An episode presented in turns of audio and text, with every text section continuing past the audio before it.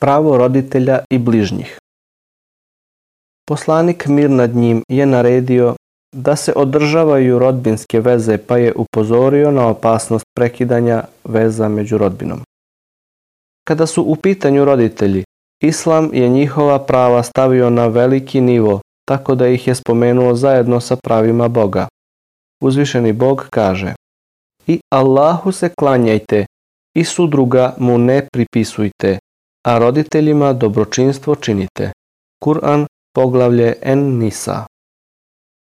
Poslanik mir nad njim je upitan o najboljem delu, pa je kazao namaz, molitva, u njegovom vremenu, a zatim dobročinstvo roditeljima.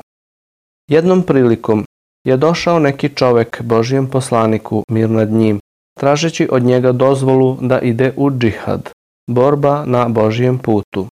Pa ga je poslanik mir nad njim upitao. Jesu li ti roditelji živi? Reče da. Poslanik mir nad njim mu reče. Kod njih ti je džihad, borba na Božijem putu. Došao je neki čovek poslaniku mir nad njim i kazao mu. Došao sam da ti se zavetujem na hijđru, preseljenje radi slobodnog ispovedanja vere. I ostavio sam svoje roditelje plačući, pa mu je poslanik mir nad njim kazao, vrati se njima i učini da se nasmeju isto kao što si učinio da zaplaču. Poslanik mir nad njim je naredio održavanje veza sa roditeljima, pa čak i ako nisu muslimani.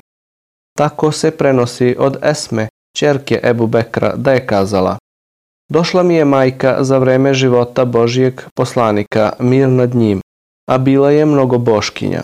Pa sam upitala poslanika mir nad njim o održavanju veze sa njom, a on je odgovorio, održavaj vezu sa njom.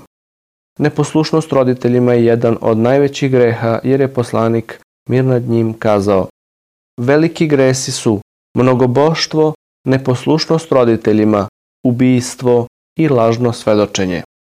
I kazao je, Allah je prokleo onoga ko vređa svoje roditelje.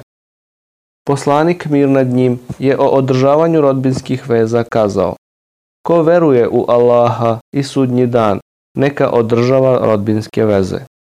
I kazao je, najbolja sadaka, milostinja, je ona koja je data rođaku koji krije svoje neprijateljstvo prema tebi. Poslanik mir nad njim je Ukbetu ibn Amiru kazao O Ukbe, spoj vezu sa onim koji ju je s tobom prekinuo. Daj onome koji je tebi uskratio i okreni se od onoga koji ti je nepravdu učinio. U drugome predanju stoji Oprosti onome ko ti je nepravdu naneo.